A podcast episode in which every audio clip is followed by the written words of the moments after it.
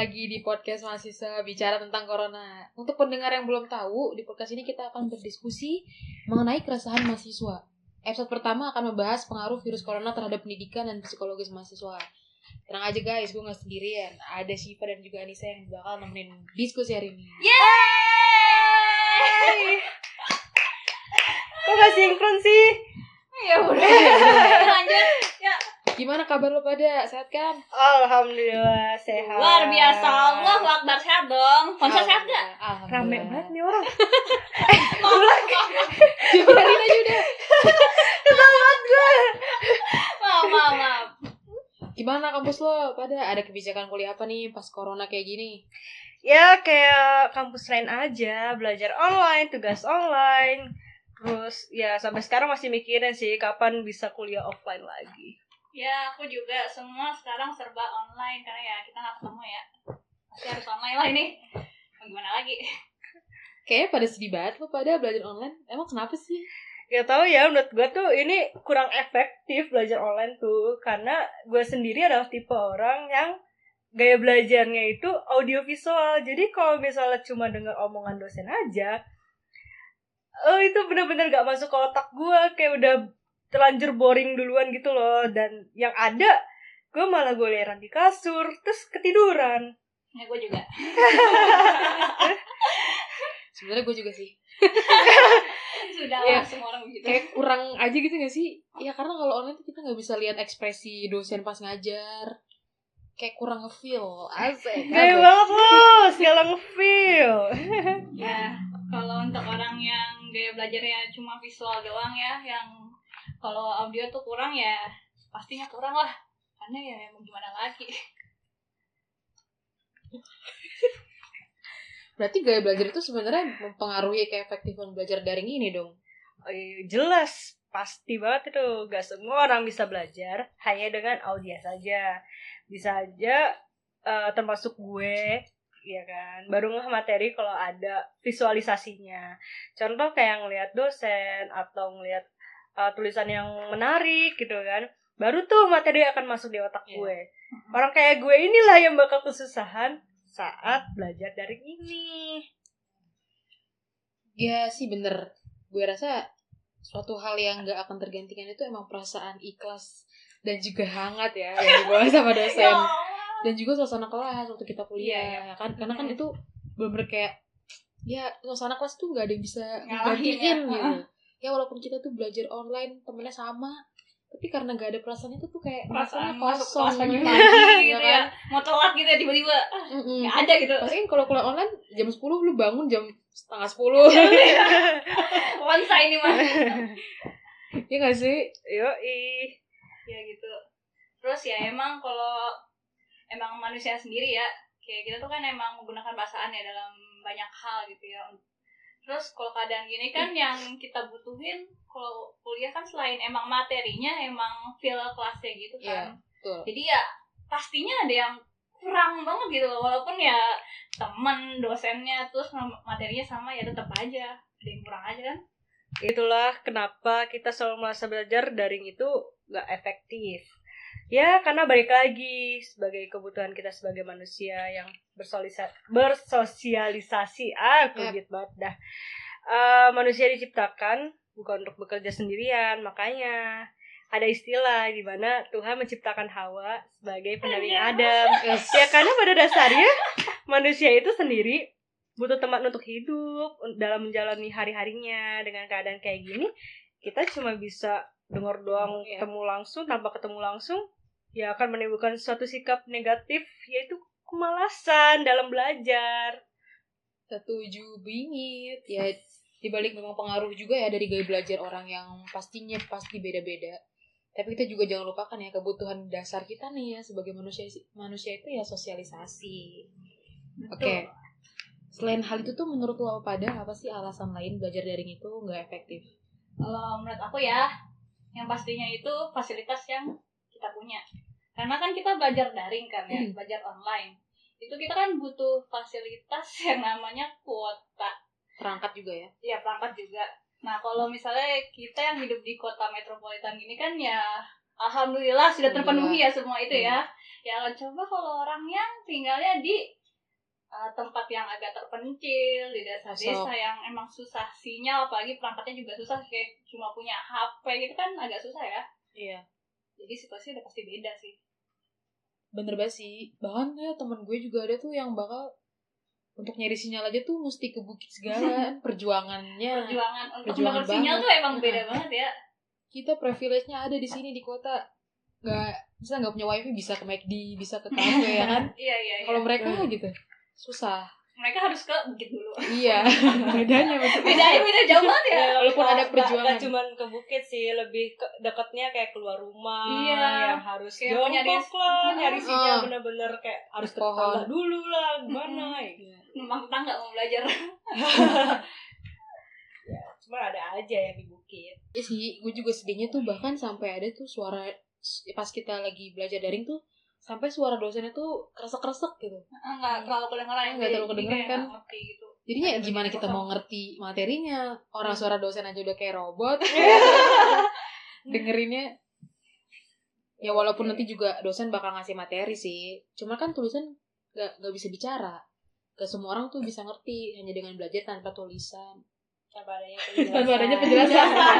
Maksudnya Ya. belajar cuma Eh, dari cuma dari tulisan tanpa penjelasan. itu kan Iya. agak sulit ya. Emang harus nanya-nanya ke dosen kan juga perlu banget. Oh, ada yang diskusi.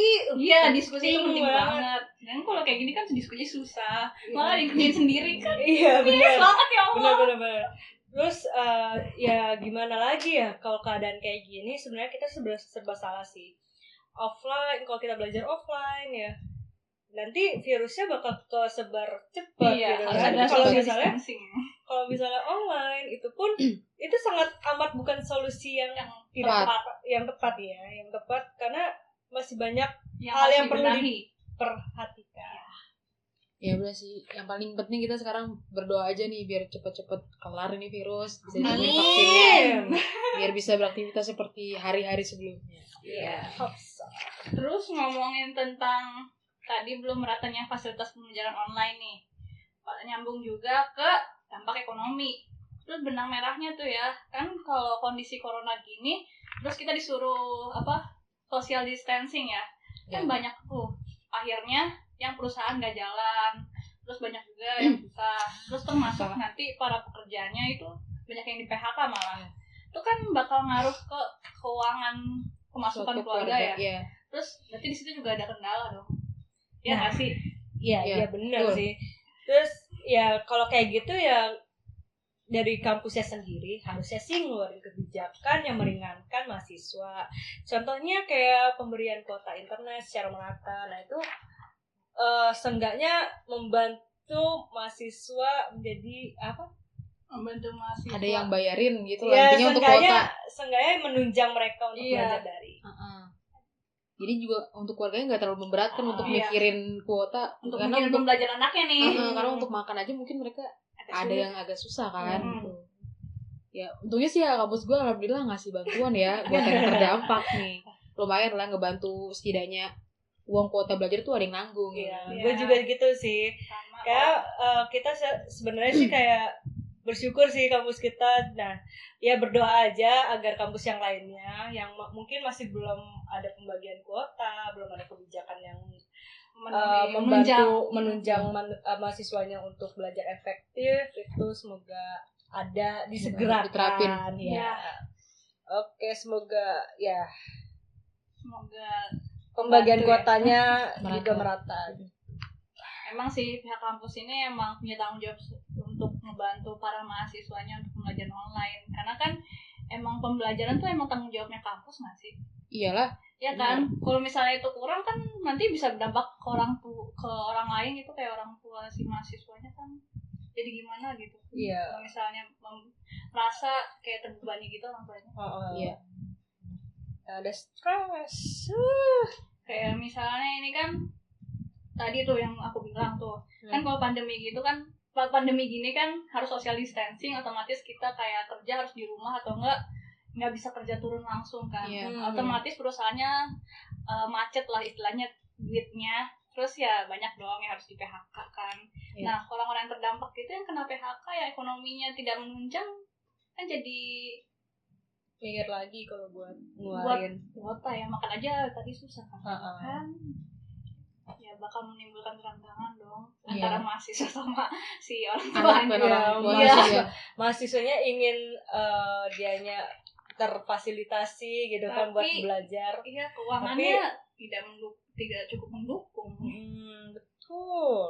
Iya bener. Bisa buat menimbulkan kerenggangan ya. Mm-mm. karena mungkin anaknya tuh ya pengen banget belajar gitu. Ah. tapi orang tuanya nggak bisa memfasilitasi. Iya. Ya udah akhirnya dia harus merelakan untuk gue nggak bisa belajar gitu iya Ah. padahal anaknya tuh sangat banget belajar Iya. gitu kan Hmm. emang agak sulit kayak gitu ya ternyata kalau misalnya kita gali lebih dalam lagi sebenarnya banyak banget dampaknya tuh nggak hanya ke mahasiswa tapi untuk apa mental untuk ekonomi ya bahkan Iya. sampai keluarga tuh ada dampaknya ya Ya, banyak Iya, banget. kayak gini. Nah, maka dari itu perlu adanya kolaborasi antara kampus, eh, pihak kampus tertinggi dengan BEM untuk eh, menyebarkan kuesioner atau survei gitu ke mahasiswanya terhadap eh, terkait dengan dampak corona terhadap mereka. Nah, hasil survei itu bisa dijadiin tolak ukur apa aja sih yang mereka eh, yang mereka Masalahkan. alami gitu kan masalahkan atau kendala terhadap covid kayak gini.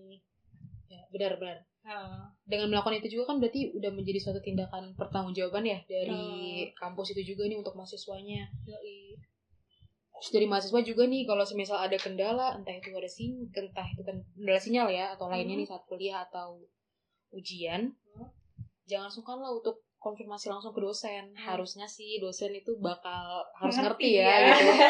Ya, dengan kondisi kayak gini. Harusnya ya dosen ngerti lah karena kan kita nggak cuman ada di kelas dikumpulin tapi kan kita sama.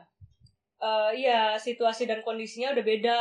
Ada yang di pelosok ada yang di kota ada yang gimana kan. Jadi kalau lagi. ada jadi kalau ada kendala kayak gitu seharusnya dosen bisa ngerti sih. Tapi bukan berarti hal kayak gini juga eh, kita manfaatin untuk hal yang nggak bener loh ya. Iya.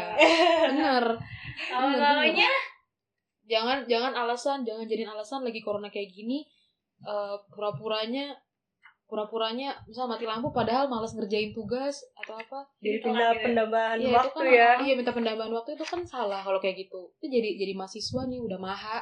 Jangan Mahasiswa kita mengulang ya. kesalahan-kesalahan yang sama yang udah kita lakuin pas, pas kita dari SD gitu. Iya jadi mahasiswa tuh harus responsibel dan be honest. Yes. Betul sekali betul. Oke. kita harus jadi contoh nih karena kita ya yang paling tinggi lah di antara siswa-siswa yang lain. Iya. Kan mantap. Pilar pilar pemer- uh, pilar masa depan Indonesia. Yes. Betul. gaya banget gue ya. Ya. Lanjut lanjut lanjut. Ya balik lagi nih mengenai dampak kuliah online. Ini menurut lo ada lagi nggak dampak kuliah online? Ada. Ada banget dong. Apa tuh? Nah kayaknya sih ini eh, semua orang hampir ngalamin sih ya ada tuh? apa tuh gue sih ya eh, ngerasain ya karena adanya belajar online itu jadi sehari yang kuliah kan gue kan ada matkul tuh dalam sehari tuh bisa 3 sampai 4 Dari pagi sampai sore kan. gitu ya. Yo, ini sama dari pagi malah Dari malah 3 matahari ter- SKS matahari gitu kan. terbit sampai matahari terbenam ada aja Malah per matkul 3 SKS kan otomatis harus depan laptop berjam-jam tuh. Kadang orang tua nggak paham kalau kita tuh lagi belajar terus marah-marah karena main laptop mulu. Padahal kan ya kita di depan laptop kan buat belajar Iya, juga. Nah, Betul karena hal itu hubungan jadi renggang lah antara saya dengan orang tua. Saya. Iya, maksudnya Iya. antara kita dengan orang tua. iya bener Iya kan emang si anak si mahasiswa kan pengen di ngertiin ya kalau lagi belajar taunya orang tuanya ngelihatnya malah diem-diem baik main HP gitu Ternyata- padahal kan kita belajar ya kan Hmm. iya terus di satu sisi emang si orang tuanya nggak tahu kan Mhm. kalau kita emang lagi serius-seriusnya belajar malah disuruh ngapain disuruh masak disuruh ngepel gitu ya Mhm. malah jadinya karena nggak mau itu jadinya malah marah-marah lagi orang tuanya terus kan itu kan bisa menimbulkan kerenggangan kan antara orang tua distancing Iya, Distancing. gitu ya. cukup physical distancing aja Iya, guys gak jangan- usah distancing antar orang tua Iya, gitu gitu. hubungannya nggak jangan jadi menjarak gitu loh padahal kan Ah, kita terus di rumah gitu tapi malah adanya marah-marah mulu Hmm. ketemu marah-marah mulu ya sebenarnya sih kalau gini kan solusinya gampang ya kan solusinya itu sebenarnya itu kan komunikasi aja sih sebenarnya Nah, Iya nggak sih, komunikasi? betul, betul, betul betul betul. jadi kita tuh harusnya eh, pelan-pelan ngasih tahu ke orang tua gitu ya kalau kita tuh emang lagi sebenarnya lagi belajar lagi serius-serius menimba ilmu gitu Iya. orang tua kan juga harusnya pengertian kan jadinya ya, benar. Komunikasi itu emang penting banget ya dalam segala hal, nggak hanya dari anak ke orang tua, tapi di kita bersosialisasi, kita hidup tuh harus berkomunikasi itu penting gitu. ya. Hmm. Kalau komunikasinya aja kurang ya wajar akan timbul suatu persepsi yang negatif. Antara Iya. anak dan orang tua juga harus saling ngerti nih. Orang tua harus ngertiin anaknya kalau kita tuh lagi belajar. Hmm, tapi kita Tapi juga, kita juga sebagai anak ya harus ngerti loh kita lagi di rumah nih. Jangan jangan alasan lagi kuliah atau lagi belajar nggak mau bantuin di rumah. jadi lalaiin pekerjaan Heeh, rumah jangan atau kayak gitu kewajiban kita sebagai anak ya kan Heeh. ini ya komunikasi itu basic dari segala kebutuhan iya paling penting karena ya. Ya. komunikasi itu penting kan menyampaikan Betul, apa yang pendapat kita Heeh. Jadi seenggaknya kalau misalnya kita pengen di ngertiin ya kita harus mengerti dulu lewat komunikasi. Betul kan? ya ya ya ya. Terus? Oh iya. Nih gue mau tanya sih. Menurut kalian ya di situasi seperti sekarang kan kita banyak waktu luang nih. Karena kuliah semuanya daring segala macam. Hmm. Menurut lo pada apakah situasi ini tuh membuat lebih produktif atau menghambat produktivitas? Iya, terga- itu sih tergantung orangnya ya. Perspektif Mungkin ya. uh, lebih Nah. ke perspektif bagaimana dia bisa mengatur waktunya dengan baik gitu Iya. kan. Uh, dia memanfaatkan waktunya dengan baik untuk produktivitas yang baik juga gitu. Tapi kalau gue pribadi sih, uh, kalau gue pribadi jujur aja gue uh, kebanyakan rebahannya daripada produktivitasnya. Karena eh kebanyakan di rumah aja kali ya. Jadi kayak kebiasaan malah tidur juga nggak teratur ya Iya, kan. Ya udah jadi kayak bingung aja gitu mau ngapain. Sementara kan gue balik lagi nih, gue anaknya tipe yang harus keluar rumah. keluar rumah atau bertemu dengan orang. Jadi nggak bisa yang namanya pekerjaan sendiri apalagi eh di kamar doang gitu. Aduh, gak. Tidak Jadi yang ada bahagia. bingung, ha Kalau menurut lu gimana tuh, Mae? Kalau menurut aku, Ah, aku sih kalau menurut aku pribadi aku tidak produktif ya. tidak produktif.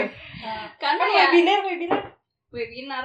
Kayak enggak deh. Eh, Gimana? Ya Webinar? cuma sekali dua kali doang pas itu pun karena pas diharuskan karena Disuruh Eh, dosen.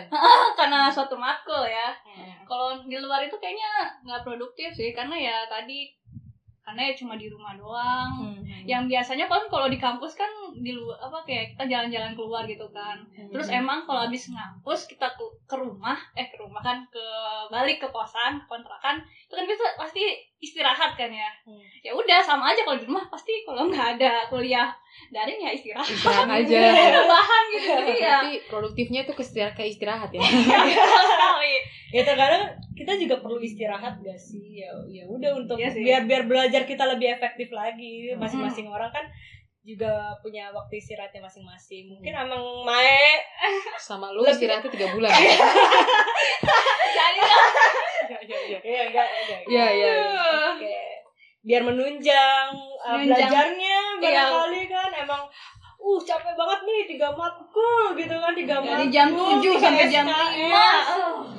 5. Aduh gimana mana tugas numpuk jadi ya gak ada yang bisa dilakuin selain istirahat gitu Iya. loh Kalau ada waktu luang itu istirahat ya. Ya, betul, betul. oke Istirahat oke itu penting. Kata Albert Einstein. itu penting menurut iya iya iya iya Biar kita bisa memulai hari dengan baik, ya kita harus istirahat dengan cukup. Masya Betul, Allah. betul. bisa aja pembelaannya Nur Iya. Ben- Sebenarnya tuh ya di situasi sekarang tuh banyak ya waktu yang waktu luang ini kita bisa manfaatin loh menjadi suatu hal yang produktif. Misal contohnya belajar hal yang baru yang bisa yang belum bisa lo lakuin sebelum-sebelumnya. Kayak Contohnya? contohnya ya belajar bahasa Inggris, belajar ngedit, belajar nulis atau bahkan nih sekarang kita belajar buat podcast. Kan belum pernah nih kita ngelakuin ini sebelumnya. belum Belum. ah, belum kepikiran Belum banget Iya, kepikiran, belum malah. kepikiran kita cuma kan. sebagai uh, konsumen aja selama Uh-uh. ini Iya. Ternyata asik juga ya Karena kan kalau kita terus pro- produktif ya, kayaknya situasi sekarang ini nggak akan terlalu terasa berat banget ya. Hmm.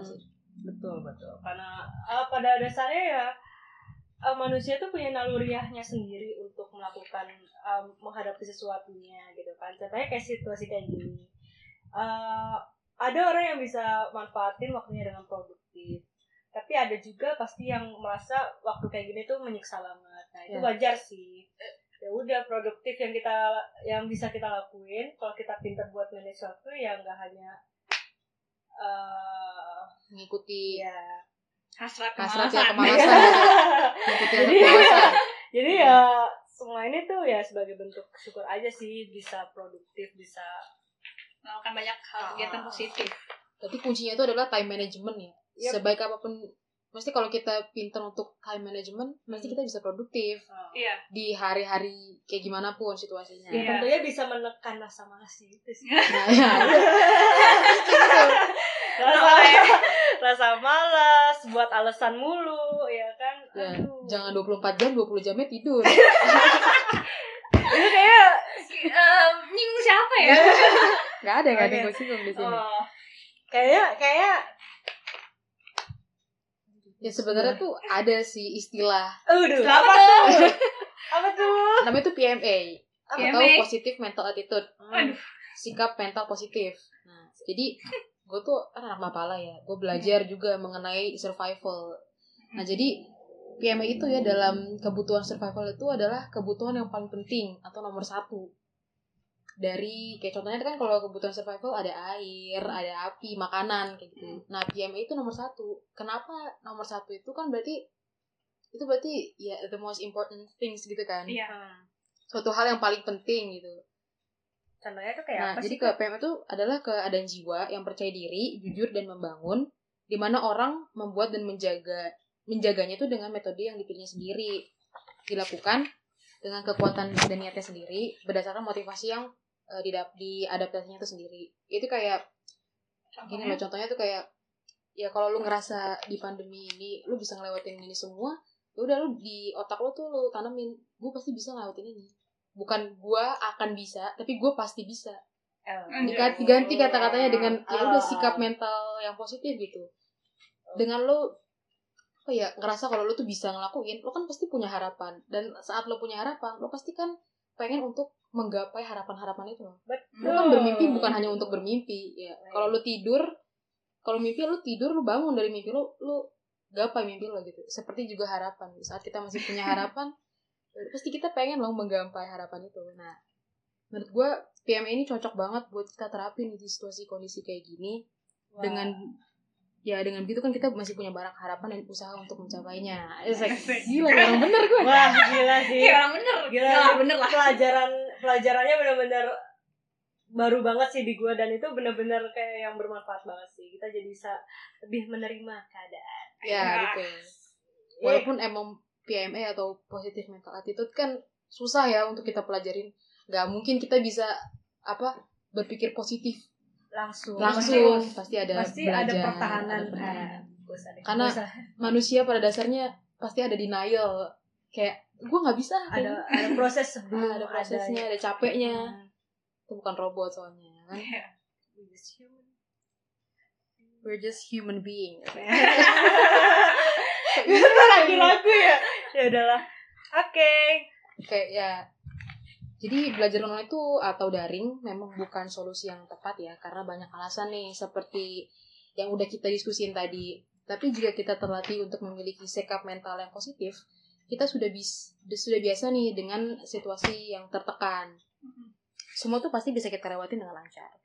Maka bisa diambil kesimpulan mental health itu penting banget ya. Mental seperti menjadi kunci utama bagaimana manusia bisa survive atau enggak di situasi yang menurutnya menyiksa. Kita jangan hanya berlomba-lomba untuk menyehatkan fisik, tapi lupa akan kesehatan mental kita sendiri. Karena itulah kunci utama apakah kita bisa melewati ini semua dengan logo atau tidak. Wih, mantap Ya, terima kasih untuk teman-teman yang udah dengerin podcast kita sampai habis. Gue yakin ada sedikit banyak yang bisa diambil dari situasi kali ini, dan dari diskusi kali ini, dan bermanfaat santai. untuk kalian. Dadah semuanya. Bye.